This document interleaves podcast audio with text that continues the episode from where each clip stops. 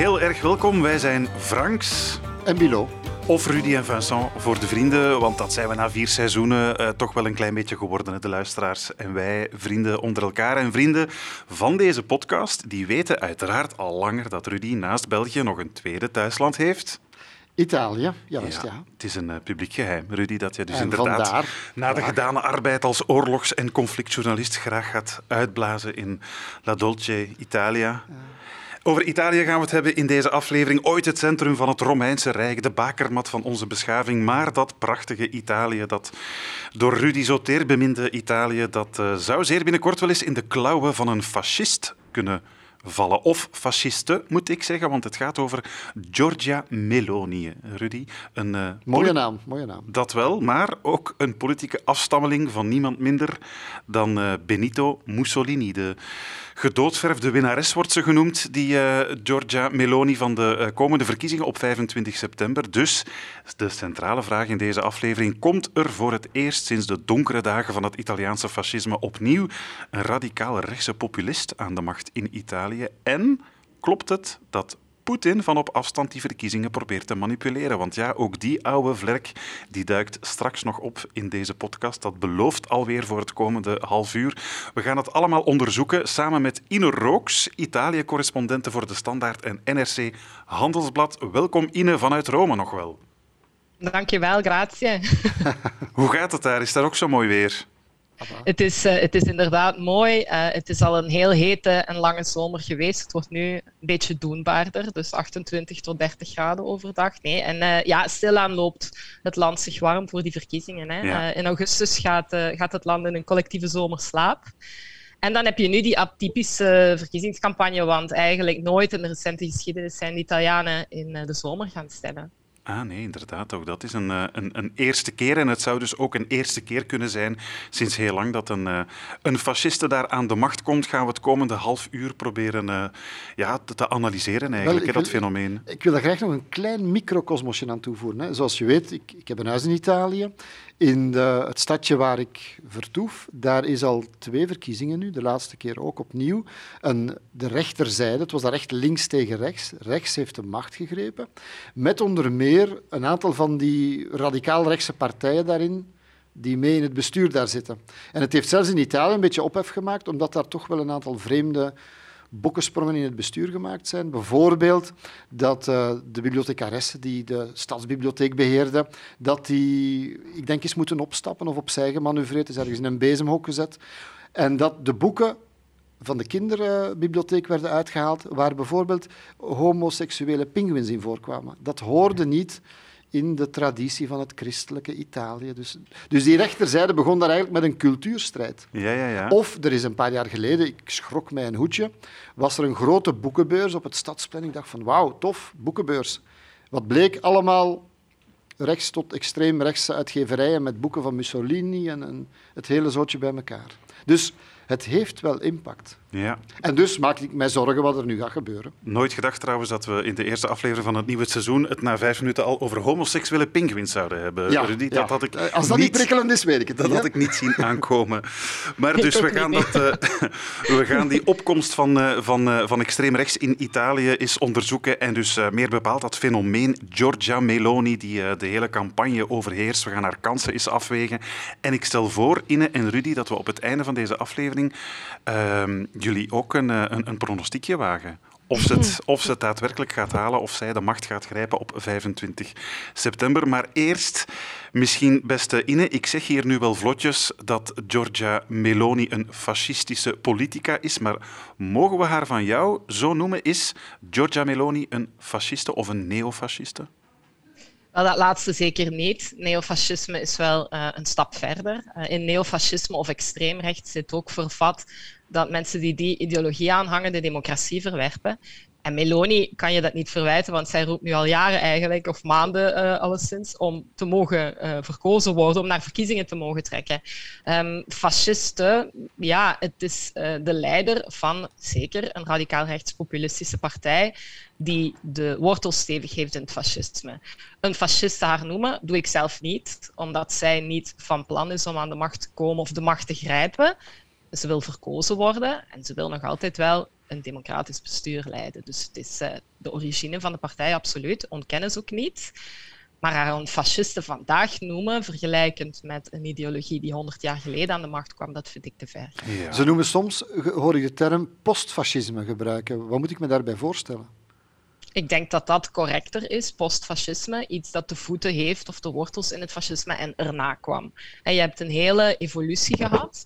Um, ze speelt, daarom, daar corrigeer ik mezelf al wel even bij, of dat wil ik graag uh, aanvullen. ze is heel ambigu. Hè?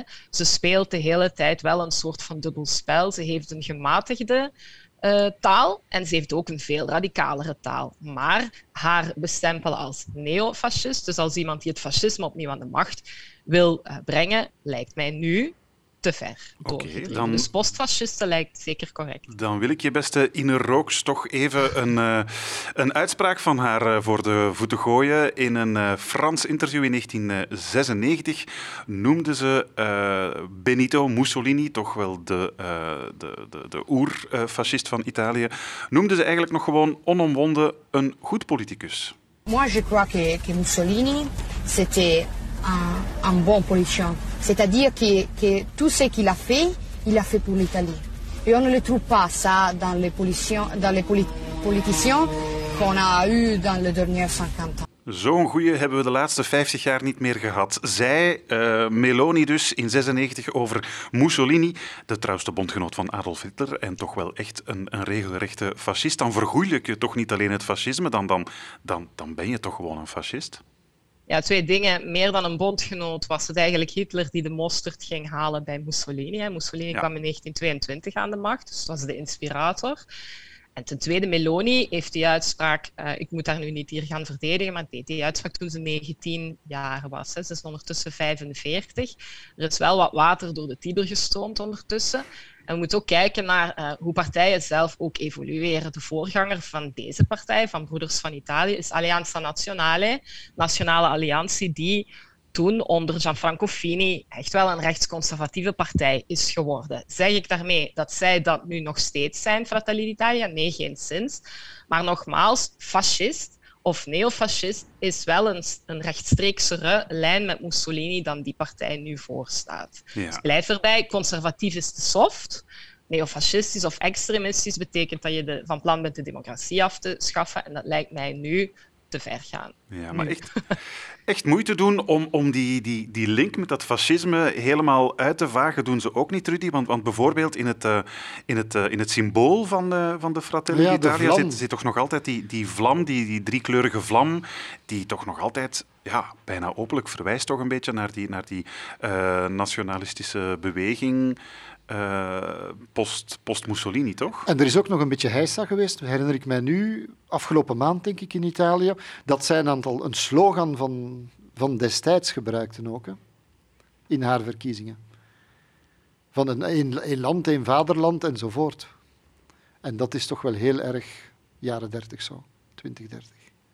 En dat bedoel ik met die dubbelzinnigheid, die is er ongetwijfeld. Die vlam is... Uh is een doorn in het oog van veel democraten in Italië. Ze heeft ook die vraag gekregen om uh, de vlam uit het symbool te halen. Gianfranco Fini, de voorganger van de partij waaruit haar partij vloeit, heeft dat voor de goede orde wel gedaan, heeft de vlam afgeschaft. Meloni heeft ze terug ingevoerd. Dus absoluut, die dubbelzinnigheid, die ambiguïteit is iets wat ze opzoekt. Wij zitten dan tegelijkertijd maar naar labels en etiketten te zoeken voor mhm. hen. En dat is eigenlijk, denk ik, soms wel exact wat zij willen. Zij willen ons aan het twijfelen doen brengen. Maar de, de, de grond van de zaak is toch met die vraag of we vrezen dat zij de parlementaire democratie in Italië zal afschaffen en een dictatuur zal instellen, of hier honderd jaar later weer in Rome straks zwarthemden op straat zullen marcheren. En ik denk dat de angst ergens anders moet liggen, dat onze bezorgdheid ergens anders moet liggen, dat dat niet zal gebeuren, maar dat je wel een politica hebt, à la Orbán,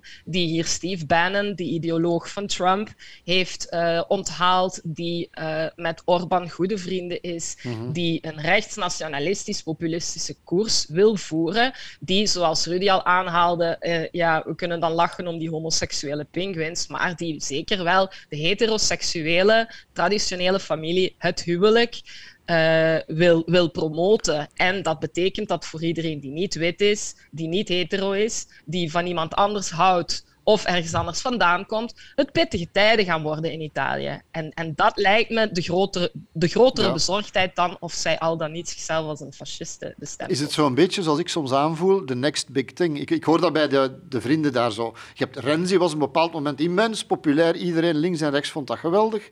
En dan plots niks meer. Dan was Cinque Stelle en nu is het Meloni. Dat is toch heel vreemd, heel schizofreen. Ja. Ja, dat klopt. En dat, ik, denk, dan kom ik uh, geregeld als ik daarover nadenk. Uh, ik sluit me daar compleet bij aan. dat is fanclubpolitiek. Hè? Dus je had hier heel stevige traditionele partijen die vergelijkbaar zijn met de stromingen die we ook zien in ons land. Hè. Het socialisme, de christendemocratie, de liberalen. Je had grote stromingen. Liberalen waren dan eerder uh, Berlusconi, die begin jaren 90 in de politiek is gestapt. Maar dat is allemaal weg.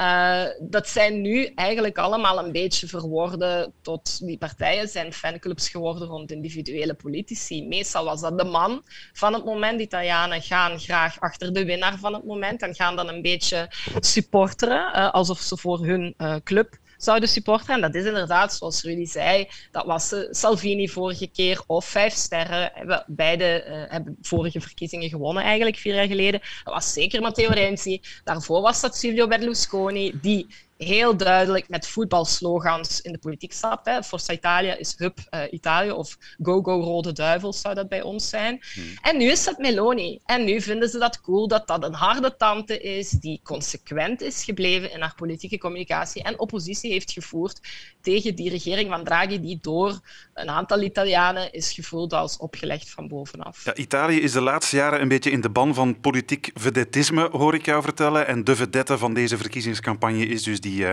die Giorgia Meloni. Voor ons als niet-Italië-kenners komt zij schijnbaar vanuit het niets. Hè. Wij kennen natuurlijk de grote rechtse boegbeelden uh, Berlusconi van Forza Italia en Salvini van de, van de Lega Nord. Maar Waar komt die, uh, die Meloni eigenlijk, eigenlijk vandaan? Hoe, uh, ja, wat is haar rise to fame uh, geweest tot nu toe? De laatste jaren is zij de oppositiepolitica geweest die als enige met haar uh, radicaal-rechtse partij niet in die regering van grote eenheid van Mario Draghi, oud-voorzitter van de Europese Centrale Bank, is gestapt. Hè. Dus dat is op korte termijn wat haar uh, rise to fame verklaart. Anderzijds is zij al heel lang uh, politiek actief. is politiek actief geworden op haar vijftiende. Op haar vijftiende al?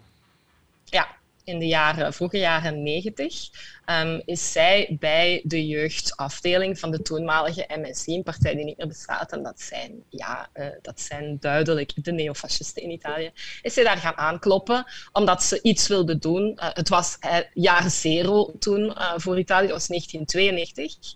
Er was toen een grootschalig um, omkoopschandaal in de politiek ontdekt en de traditionele partijen waren als kaartenhuisjes in elkaar gestuikt.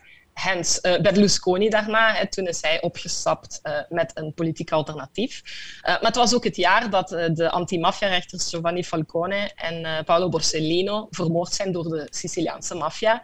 En Meloni had, zoals heel veel jongeren uit die generatie, generatiegenoten overigens, is een leeftijdsgenote van mij, maar verder houdt elke vergelijking op. Maar ik herinner mijzelf ook als tiener hoe impactvol dat was. En Rudy zal zich dat ongetwijfeld nog veel beter herinneren dan ik. Ik was toen uh, wegens iets ouder. die vroege jaren 90. ja. Nee, wegens uh, meer ervaren in de journalistiek.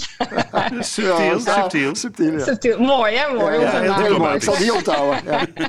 maar Ine, ik hoor, jou, ik hoor jou zeggen, goed, hè, ze gaat natuurlijk al langer mee dan, uh, dan vandaag. Ze is uh, gepokt en gemazeld in die politiek ja, van het haar... is geen eendagsvlieg. Van, van, haar, van haar vijftiende al. Ze kapitaliseert nu met haar partij op het feit dat zij inderdaad als enige buiten die regering van nationale eenheid zat.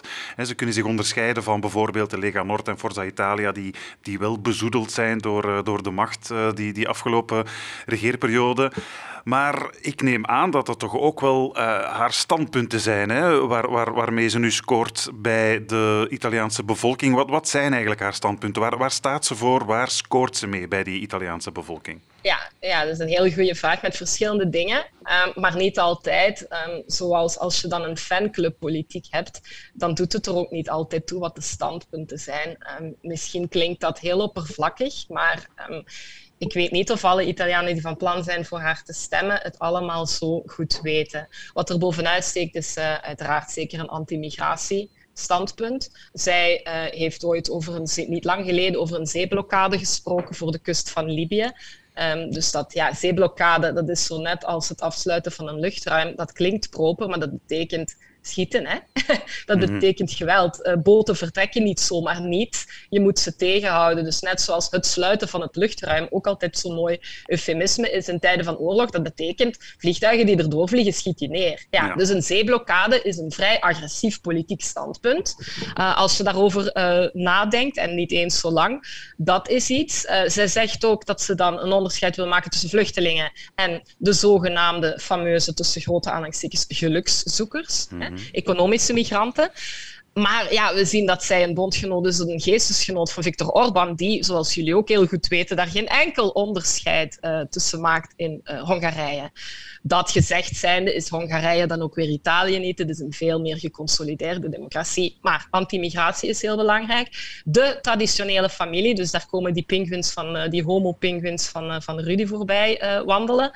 dat is iets wat, wat ze zeker, zij en haar politieke geestesgenoten, heel sterk naar voren schuiven. Salvini doet dat ook, die zelf uh, kinderen heeft bij meerdere vrouwen, niet getrouwd is, maar is ook absoluut een diep christen als hij op een verkiezingspodium kruipt. Hmm. Dan heeft hij ook een uh, paternoster in handen. Um, ja, Meloni appelleert ook aan dat, dat cultureel christelijke van de Italianen, want hier zijn de kerken even leeg als bij ons thuis in België, maar veel Italianen identificeren zich als cultureel christelijk. Dus elke kerst uh, wordt er hier weer een ruil verwacht rond. Mogen we nog de kerststal plaatsen? Mogen we nog wel bollen in onze kerstboom hangen? Mag er nog een kruis in huis? Terwijl uiteindelijk, ja, uh, als een moslimgezin dat niet doet, betekent dat niet dat een christelijk gezin het niet mag doen. Dus eigenlijk is er niet zo'n gek groot probleem, maar mhm. zij spelen daarop in. Ook kindjes, er moeten veel meer kinderen komen. Ze willen uh, families en het creëren van families en kinderen krijgen incentiveren, ook economisch. Maar dan bedoelen ze waarschijnlijk christelijke Italiaanse kinderen.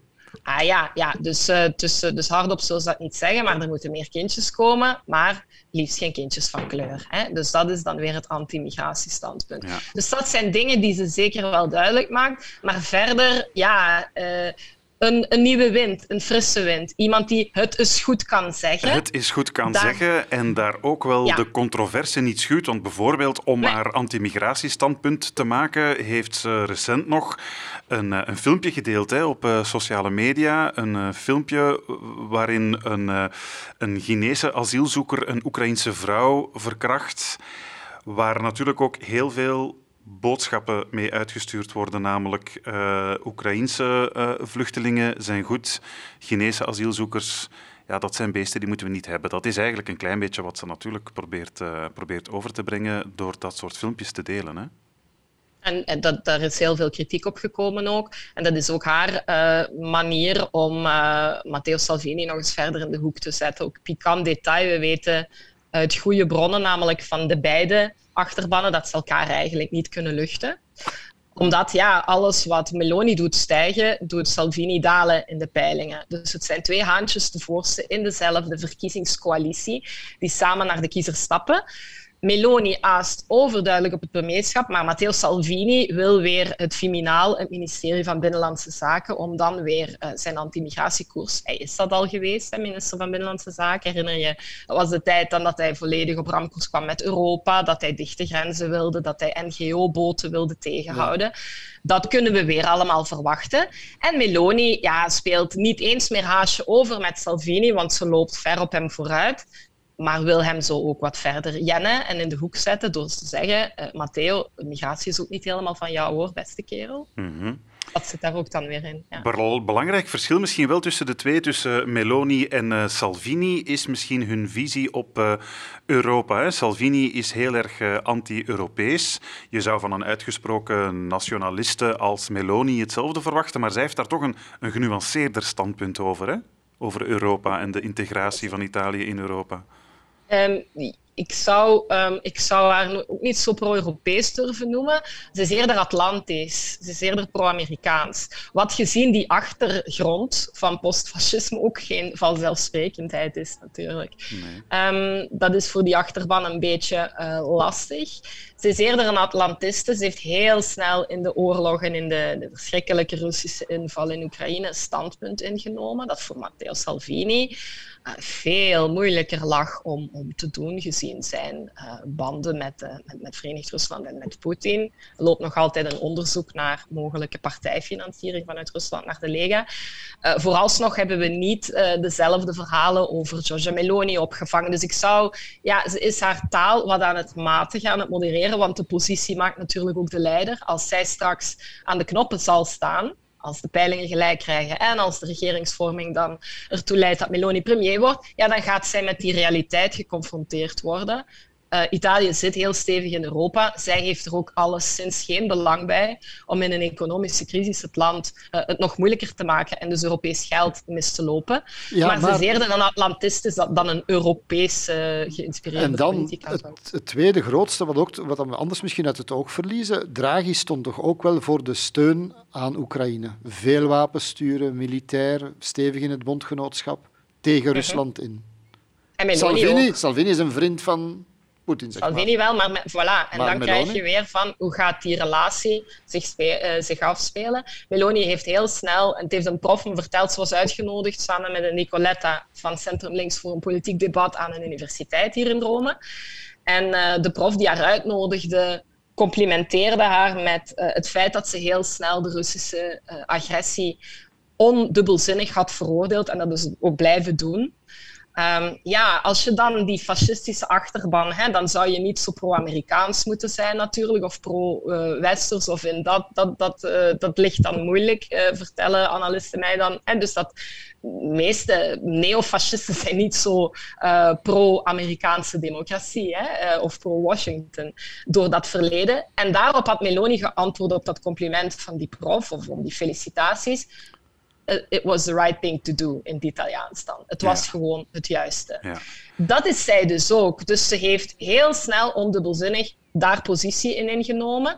Um, ja, en daar heel atlantistisch zich in getoond. Uh, en pro-Amerikaans en pro-bondgenootschap met de VS. En dat staat inderdaad in schril contrast met Matteo Salvini, die uh, voor de goede orde nooit heeft gezegd van well done uh, Poetin, maar dan vervuilde tot een soort van pacifist van het laatste uur.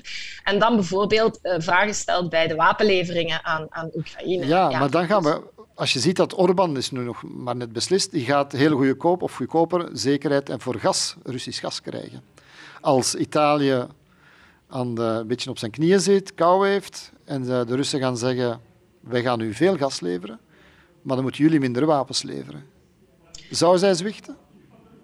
Daar ben ik, denk, denk misschien dat het zich niet gaat stellen, omdat uh, het nog even duurt um, voordat het hier echt koud gaat worden. Het is een warm land. ja, dat is, wel ja. een verschil, ja, ja dat is wel een verschil met een land als Duitsland. Het gaat in Duitsland en in Berlijn veel sneller koud zijn dan in Rome, letterlijk en figuurlijk. Maar zeg maar voor de industrie um, dan, kom. Ja. En, en ja, uh, er zijn natuurlijk uh, heel snel uh, aan een ontzaglijk indrukwekkend tempo nieuwe deals gesloten. Hè? met Algerije, eh, met Angola. Dus er zijn nieuwe gasdeals gesloten. Die, en dat zijn leidingen die er van ene zijn van het, zeg maar het Italiaanse staatsenergiebedrijf. Dus dat is zekere energie. En dat ging, ja, als Draghi verder had kunnen gaan, dan waren ze binnen een paar jaar was die, van die afhankelijkheid niet meer veel sprake. Hij heeft dat niet kunnen afwerken, maar wat in gang is gezet, de deals die getekend zijn, zijn wel getekend. Dus die, die energieafhankelijkheid van Rusland is drastisch verlaagd. Dus Rusland heeft geen chantagemiddelen meer in, of zal er minder, minder in handen hebben? Goed, maar de rol van Rusland valt toch niet te ontkennen. Nee, want Rusland heeft er wel belang bij dat Draghi ten val kwam, dat enzovoort. Zeker. Maar dan zie je opduiken wat onder meer La Repubblica in de zomer heeft uitgebracht. Er zijn gesprekken geweest tussen bijvoorbeeld Salvini en de Russische ambassade in Rome.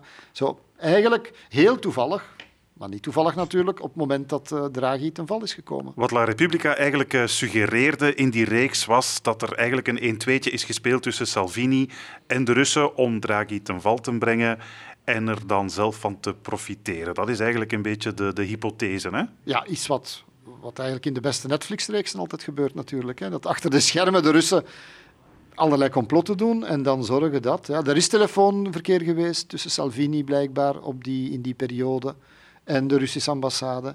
En, toen, en dan is er ook nog een stroom van migranten op gang gekomen, of die is alleszins Op intensiever, gekomen, er wordt intensiever geworden, verdubbeld, zeg maar. Ja, dat, dat Rusland eigenlijk bij wijze van spreken de kraan in Libië heeft opengezet op de, de, de, de, de, de gebieden aan de, de Libische kust die zij onder controle Ja, hebben. met Dat ze daar met, eigenlijk... eh, ja, van Maarschalk Heft- Haftar, die, die daar een, een deel van Libië controleert, gesteund door de Wagner-groep. En, laten we zeggen, een beveiligingsfirma gelieerd met vertrouweling van, eh, van Poetin, die er dan eigenlijk bijna bij manier van spreken de mensen op het bootje gezet heeft om, laat ze maar gaan, met duizenden. Ja. En alles, Met als al doel natuurlijk om samen. het migratiethema hoog op de politieke Voilà, agenda van de Salvini te ten- wat krijgen. Salvini ten goede komt, maar uiteindelijk ook Meloni. En dan, net in die periode, hè, van, van dat er zo 4000 extra migranten plots in twee weken toekwamen, net in die periode laten zij Draghi vallen. Ja. Hè, de regering. Ja, niet Meloni, want zij was sowieso in de oppositie, maar Salvini en Berlusconi. Goed, ja, toeval kan altijd, maar het zou toch onwaarschijnlijk zijn. Wat is jouw inschatting, eh Ine? Denk je dat, eh, dat, dat Poetin hier wel heel erg de hand in heeft dat er een 1-2'tje gespeeld wordt met het Ja, ik, weet, ik, weet dat niet zo, ik weet dat niet zo zeker. Ik weet dat gewoon niet. Ik, ik hoor dat en ik zie die dingen ook en dat die contacten er zijn geweest. Ja. Ehm, het lijkt me dat er wel heel veel gewicht dan eh, wordt gegeven aan Salvini. Je kan een aantal dingen optellen. Er zijn meer migranten gekomen. Er zijn bewijzen gevonden of getuigenissen dat de Wagnergroep ze op, op, eh, op poot is. Binnenland, een eh, comité I zeg maar, van het, eh, het Italiaans parlement heeft bevestigd dat die gesprekken er geweest zijn. Dus al die dingen bij elkaar geteld, het komt natuurlijk het Kremlin wel goed uit. Ja, absoluut, Rudy. En, en dat, dat, daarom ook, ik weet niet of het een masterplan was van Poetin vanuit het Kremlin georganiseerd en dat dat plannetje zo gelukt is dat zij dit soort dingen proberen. Uiteraard, zij proberen dat ook in Amerika. Dat is ook daar vastgesteld, de verkiezingen van Trump. Ik denk dat ze soms verder geraken eh, met politieke, met naïvelingen in Europa dan ze zelf wel eh, voor, voor mogelijk achten, Russen. Maar Russen zijn tot veel in staat, de Russische geheime dienst. We hebben hier vorige week nog het eh, ongelooflijke verhaal gehad van een spionne in de hoogste regionen van de NAVO. Er waren ook trouwens Belgische soldaten en officieren bij NAVO-kringen in Napels kon infiltreren door zich voor te doen als een, hou je vast, Duits-Peruaanse juwelenontwerpster met een Russisch paspoort. En dat lukt dan ook jaren. Ja, dat is, dat is dus gewoon... En Zelfs in een Netflix-reeks niet geloofwaardig. ik, zelfs. ik, ik kijk heel graag naar de Blacklist. Ik dacht, ja, dit is gewoon volgend seizoen van de Blacklist. Eh, en, en, en Russische spionnen. eh, soms haalt de werkelijkheid, zeker in een filmisch land als Italië, eh, de fictie wel in of steekt ze zelfs voorbij. Ja. Duits-Peruaanse spionnen en Ja, ja, ja, ja. homoseksuele pinguïns. Het is onbevattelijk. Italië, het is onbevattelijk wat hier allemaal gepasseerd is het afgelopen half uur. Een half uur waarin we dat fenomeen Giorgia Meloni hebben proberen te eh, ontrafelen. Maar ik eh, kom terug op de belofte die jullie allebei gemaakt hebben aan het begin van eh, deze podcast, beste Rudy en Inne. Ik ga jullie toch vragen om een pronostiekje te wagen. Spannende verkiezingen dus op 25 september, waar heel veel, ehm, ja, heel veel op inwerkt, tot en met mogelijk Russische invloeden. Maar hoe gaat het aflopen op 25 september? Beste Inne, ik ga het jou vragen. Komt er Nee, na bijna nu niet. 100 jaar nog, eh, nog eens een, een, eh, een postfasciste aan de macht? Wat Ik, denk ga, je? ik ga over naar, eh, naar Rudy. Oh, dat is flauw. Dat is flauw. Ik laat, ik, laat, ik laat mannen voor. Ik ja, laat ja, ja, eerst. oeh, dat is Age, age Gentle- before beauty, zullen we zeggen. Hè? Ja, ja. Gen- gentleman first. Ah, ja. Maar nee, ik denk wat, wat eigenlijk iedereen denkt. Er gaat een nek-aan-nek race worden tussen links en rechts. Letta, die het eigenlijk ook op een, een tegenstelling met links-rechts speelt. Hè. Letta van PD, van eh, De, de, Sociaal- de, ja. Democratische Partij, ja. tegenover Meloni. Maar uiteindelijk zal het erop neerkomen dat Meloni allicht makkelijker een coalitie zal kunnen vormen dan. En dus Op rechts. op rechts. Totdat zij ruzie maken, hè. Is het niet, Ine? Zo gaat dat altijd in Italië eigenlijk, hè? Toch? Tot als jij? geen ruzie uit elkaar spatten. Maar ik, ja, ik denk dat ook. Ik bedoel, de peilingen. Ik herinner mij in mijn eh, minder eh, lang eh, durige journalistieke leven, maar ja, toch ook 18 jaar op Italië. Geen, ik herinner mij één verkiezing dat de peilingen er echt gigantisch naast zaten. Maar doorgaans eh, zijn exit polls minder eh, juist, want zoals Dr. House zei, everybody lies. Dus mensen liegen over wat ze net gestemd hebben. Maar de peilingen vooraf uh, van peilingbureaus waar mensen anoniem uh, reageren, die, uh, die, die lijken toch wel geloofwaardig. En inderdaad, Meloni en Letta afzonderlijk zitten in een nek-aan-nek. Maar Meloni zit in die verkiezingscoalitie samen met Salvini en Berlusconi. Dus als je, dat zou in elk ander land ook logisch zijn, als je met gelijkgestemde politici een bewind kunt voeren, dan kan je ook meer van uh, je verkiezingsprogramma uitvoeren. Dus dan gaan ze, ze gaan dat alleszins proberen. Het lijkt mij moeilijk voor een coalitie die altijd heeft gezegd de winnaar levert ook de premier of mag de premier aanduiden, om dan Meloni te, te passeren. Tenzij zij zelf zegt ik zie iemand anders in mijn eigen uh, partij of ik kies iemand anders. Vier jaar geleden hebben ze een, uh, een outsider gekozen, Lega en Vijf Sterren, met Giuseppe Conte. Dus, maar ik zie dat nu eerlijk gezegd niet, niet gebeuren. Ik ga niet flauw doen en Vijf Sterren gewijs mij onthouden van het antwoord uh, op deze vraag. Dus ik denk wel dat met radicaal rechts daarin heel aanwezig. Uh, een zeer grote kans maakt om uh, de verkiezingen niet alleen te winnen, maar ook het land te besturen. Is er al een bijnaam voor Meloni als? Het is niet zoals de, de ijzeren dame Margaret Thatcher. We gaan, we gaan de eerste vrouwelijke premier in Italië krijgen? Nee, zoals ze zelf zegt, Georgia. Gewoon, Rudy, gewoon haar naam. Georgia. Georgia. Ja, ja Georgia. Ja. Okay. Wordt het Georgia of niet? We gaan het weten op uh, 25 september. Ga je er hartzeer van hebben, Rudy, als uh, jouw teerbeminde Italië in handen komt van een postfasciste? Ga je je bescheiden stoelpje verkopen en inruilen voor uh, een, een, hutje in Scandinavië? Nee. Gaan de gaat uh, de prijs van de belasting omlaag gaan, dan, dan, blijf ik zeker. Nee, nee, maakt mij, nee, nee, we mogen ons daar niet in mengen, punt. Nee, nee. Het is wat het is. Beste Ine Rooks, Italië-correspondent voor de Standaard en NRC, heel erg bedankt voor je verhelderende inzichten vanuit Rome. Grazie mille. Ciao, grazie. Ciao, ciao. En tot over een week of twee. Franks en Bilo.